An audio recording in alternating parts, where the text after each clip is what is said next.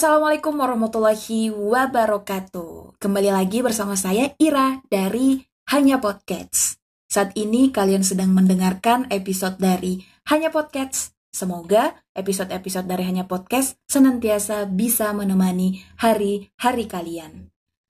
3 Oktober 2021. Nggak kerasa ya teman-teman, kita udah masuk ke bulan Oktober 2021. Artinya dua bulan lagi kita akan masuk ke tahun 2022. Semoga dua bulan terakhir ini kemudian kita tetap bisa memanfaatkannya dengan baik ya teman-teman. Mungkin masih banyak nih target-target teman-teman yang belum tercapai. Yuk, semangat, yuk, bisa yuk. Oke, pada hari Minggu ini saya mau sharing sedikit uh, tentang beberapa hal yang menjadi catatan saya di bulan September kemarin sebenarnya. Jadi di bulan September kemarin itu saya sering um, mendatangi atau bersilaturahim dengan teman-teman saya yang udah punya anak atau baru menikah. Saya banyak berdiskusi atau banyak bertanya kepada guru-guru saya, para ustazah ya, uh, tentang satu topik ini yang sangat menarik. Ada satu pertanyaan dari saya kepada uh, mereka, baik itu saya pertanyakan secara langsung atau mungkin saya sekedar mengamati dari bagaimana ketika saya bertemu atau melihat interaksi uh, mereka uh, semua gitu ya sampai akhirnya saya akan menyampaikan kesimpulannya pada episode kali ini. Pertanyaan saya seperti ini. Dari mana sih kesuksesan pendidikan seorang anak itu bermula? Pertanyaan itu akan saya sampaikan jawabannya pada episode kali ini. So, dengerin sampai akhir, keep listening, and here we go. Happy listening.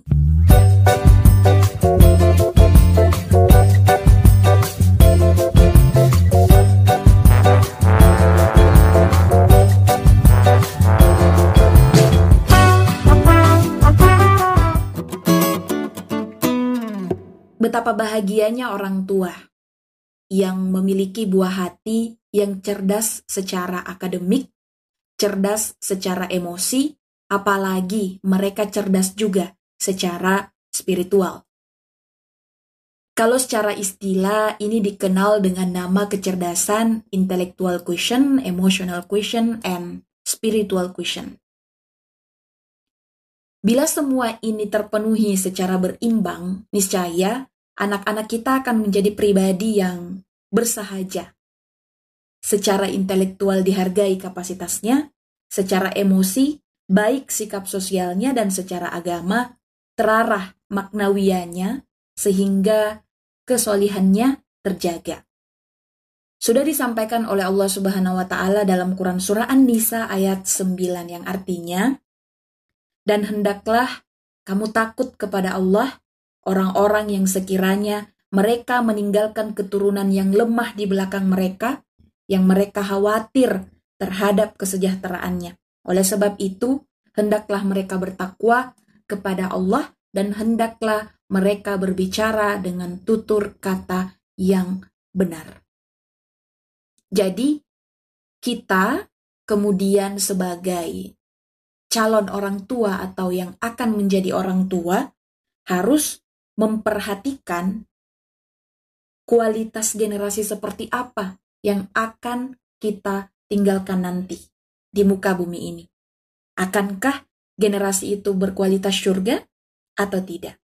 So, seperti yang saya sampaikan sebelumnya bahwa beberapa hari ini tuh saya senang sekali mendatangi teman-teman, sahabat, atau keluarga yang punya anak atau yang saat ini sedang uh, berusaha untuk membesarkan anaknya atau ada juga yang baru melahirkan dan beberapa juga di antaranya yang baru menikah atau yang baru mau menikah. Nah, ternyata dari pertemuan-pertemuan itu, diskusi-diskusi dengan beberapa guru, kemudian akhirnya saya mengambil beberapa kesimpulan. Ada ada 10 poin yang kemudian menjadi jawaban dari pertanyaan saya sebelumnya. Dari mana pendidikan untuk anak itu bermula? Sebelumnya disclaimer ya teman-teman, saya kemudian menyampaikan ini bukan berarti saya sudah menjalani fase itu. Belum ya teman-teman. Tapi kemudian kenapa saya menyampaikan ini? Karena menurut saya ini sangat penting untuk semua orang. Baik yang belum menjadi seorang ibu, atau mungkin orang yang sudah menjadi ibu. Karena ini adalah sebuah proses pembelajaran, sebuah ilmu yang kemudian harus kita sampaikan. Supaya apa? Supaya kita bisa sama-sama mempersiapkannya sedini mungkin. Oke, jadi buat teman-teman yang juga belum menikah, harus dengerin episode ini juga ya teman-teman. Nah, ada 10 poin yang menjadi jawaban dari mana sebenarnya pendidikan untuk anak itu bermula. Di tahun 2019 saya ikut kegiatan parenting nabawiyah yang diinisiasi oleh Ustadz Budi Ashari. Waktu itu saya mengikuti kelasnya kurang lebih tiga bulan. Jadi setiap akhir pekan uh, Sabtu dan Minggu kita kajian mengikuti kelas itu untuk mempelajari tentang parenting nabawiyah. Dari situ, saya mendapat gambaran bahwa pendidikan anak itu bermula dari sebelum pernikahan hingga anak itu lahir. Nah, di sini saya bagi menjadi 10 poin. Poin yang pertama, menjadi elegan saat menanti pasangan. Yes, jadi ini adalah fase pranikah ya teman-teman, atau mungkin yang sedang mempersiapkan pernikahan. Eleganlah dalam menanti. Banyak bijak bestari yang mengatakan bahwa memilih pasangan yang berkualitas itu penting, karena mereka yang akan bersama-sama mencetak generasi terbaik. Apa yang perlu kita lihat ketika kemudian kita menanti seorang pasangan? beberapa nasihat dari para guru menyampaikan bahwa kita harus menanti pasangan yang tentunya memiliki wawasan keislaman yang baik. Kemudian, memiliki visi dan misi yang jelas dalam berkeluarga. Yang ketiga, memiliki wawasan parenting, memiliki kompetensi sosial, dan mau terus mengupgrade soft skill soft skillnya. Kelima poin itu disampaikan oleh salah seorang guru saya. Bagian yang pertama pada poin ini adalah memiliki wawasan keislaman. Wawasan keislaman itu seperti apa gambarannya? Gambarannya itu adalah memiliki akidah yang lurus. Karena ilmu tauhid yang paling penting dalam berwawasan keislaman. Kemudian penting juga untuk kita bersama dengan pasangan yang memiliki visi dan misi yang jelas dalam berkeluarga. Jadi, Buat para singlila, kalau saat ini belum punya visi misi dalam berkeluarga, yuk coba dirumuskan visi misi yang jelas ya. Visi misi yang jelas dalam berkeluarga. Supaya apa? Supaya kita punya arah dan tujuan apa yang mau kita capai ketika kita melangsungkan atau menjalankan pernikahan. Bukan organisasi aja yang butuh visi misi, bukan presiden aja yang butuh visi misi buat negara, tapi kita sebagai calon pasangan juga harus punya visi misi yang jelas. Oke? Okay? Poin yang bagian yang ketiga pada poin pertama ini adalah memiliki wawasan parenting. Ini penting sekali ya teman-teman supaya ada gambaran anak yang seperti apa yang mau kalian didik. Kalian mendidik anak kalian mau menjadi yang seperti apa. Itu yang ketiga. Kompetensi sosial, punya interpersonal skill yang baik, mudah ber sosialisasi, memiliki jiwa kontribusi yang tinggi untuk kebermanfaatan, itu penting sekali ya, teman-teman. Jadi, jangan pernah menurunkan standar, tapi tetap berusaha untuk improve, upgrade sesuai dengan pasangan yang seperti apa yang kamu inginkan atau yang kamu impikan. Karena awal pendidikan anak itu bermula dari siapa pasangan kamu. Itu yang pertama. Poin yang kedua, menetapkan kriteria pasangan terbaik menurut Islam. Jadi, ada satu hadis ya yang diriwayatkan dari hadis riwayat Muslim. Rasulullah mengatakan, wanita biasanya dinikahi karena empat hal. Yang pertama, karena hartanya, karena kedudukannya, karena parasnya, dan karena agamanya.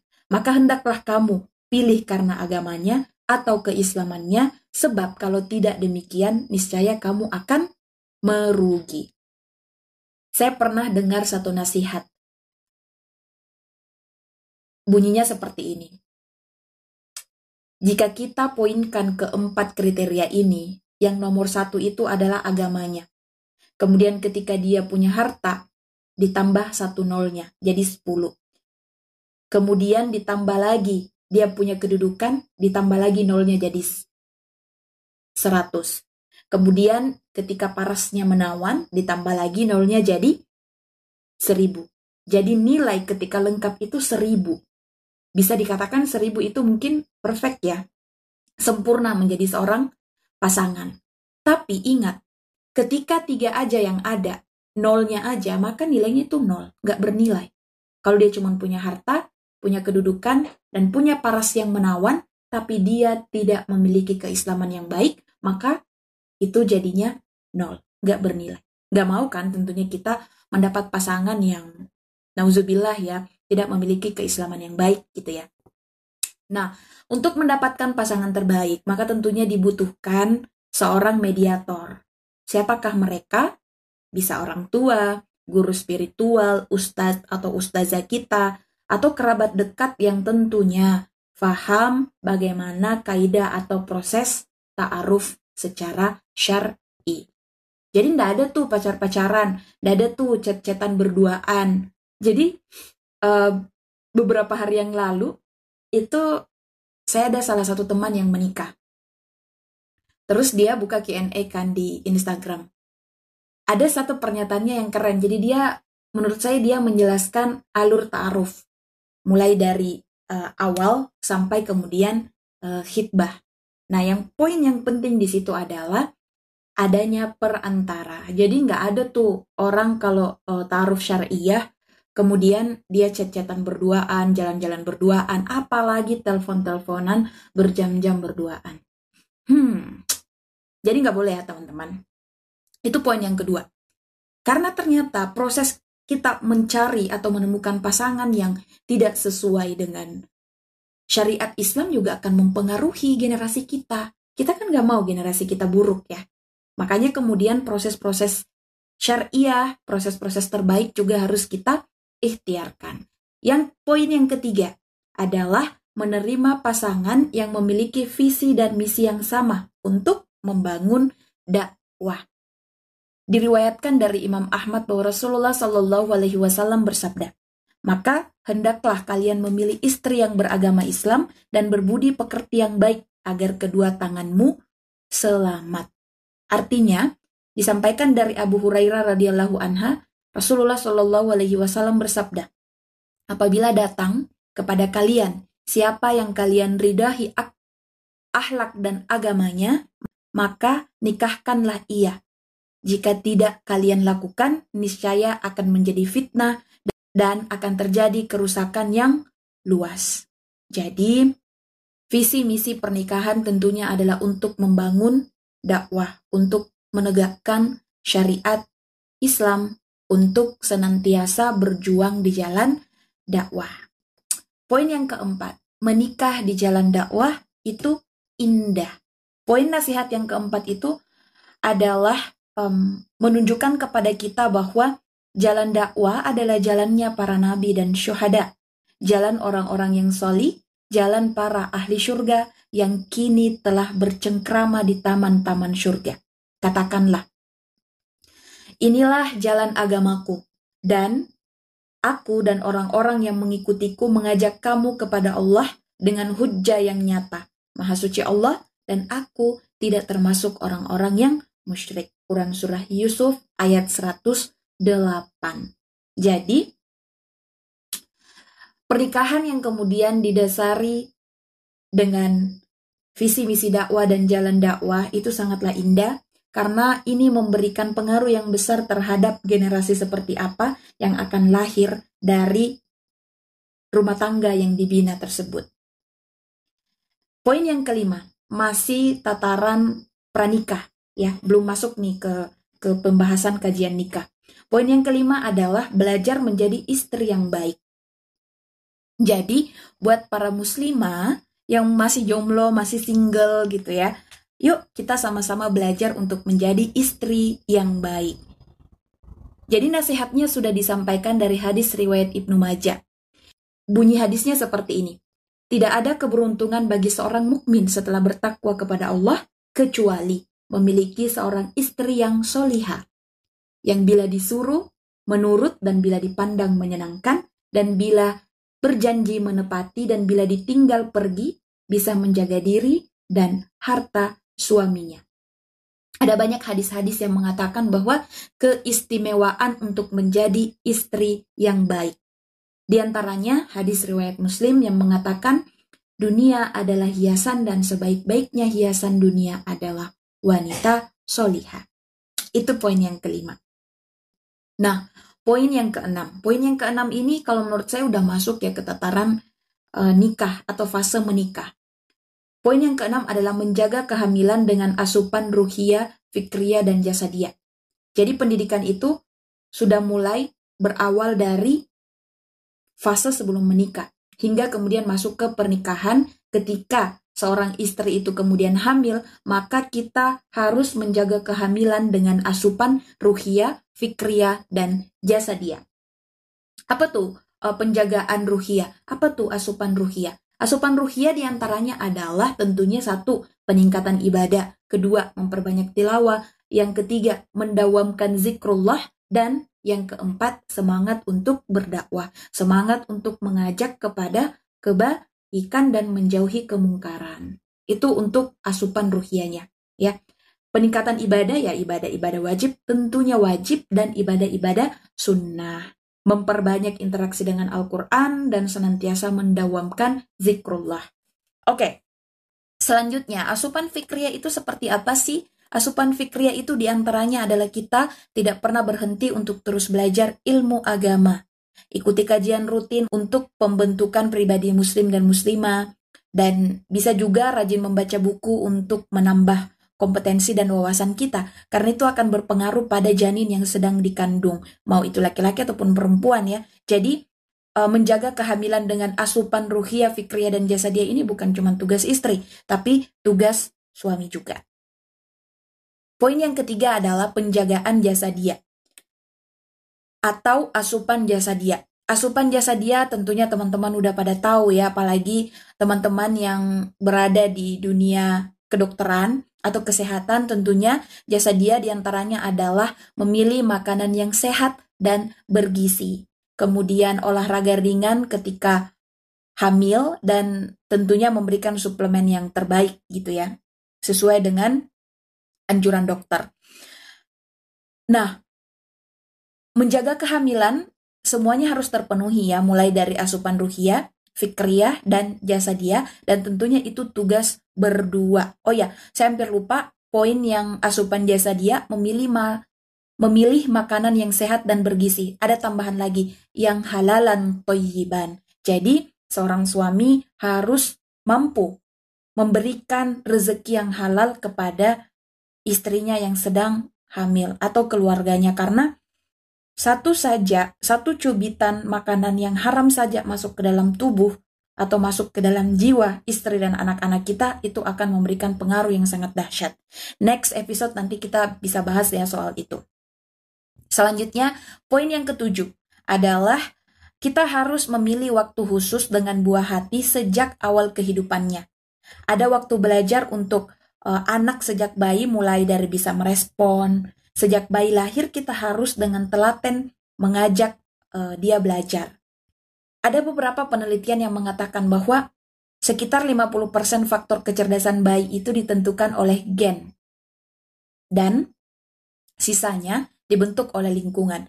Nah, ada beberapa penelitian yang mengatakan seperti itu. Mohon dikoreksi um, kalau saya salah ya teman-teman. Dari gen, genetika, kecerdasan intelektual seorang anak itu biasanya menurun dari ibunya. Jadi kalau ibunya cerdas, punya intelektual yang bagus, maka insya Allah itu akan menurun ke anak-anaknya dan genetika fisik atau wajah ketampanan atau kecantikan itu turun dari gen ayah. Seperti itu menurut penelitian. Artinya, 50% faktor kecerdasan itu ditentukan oleh gen.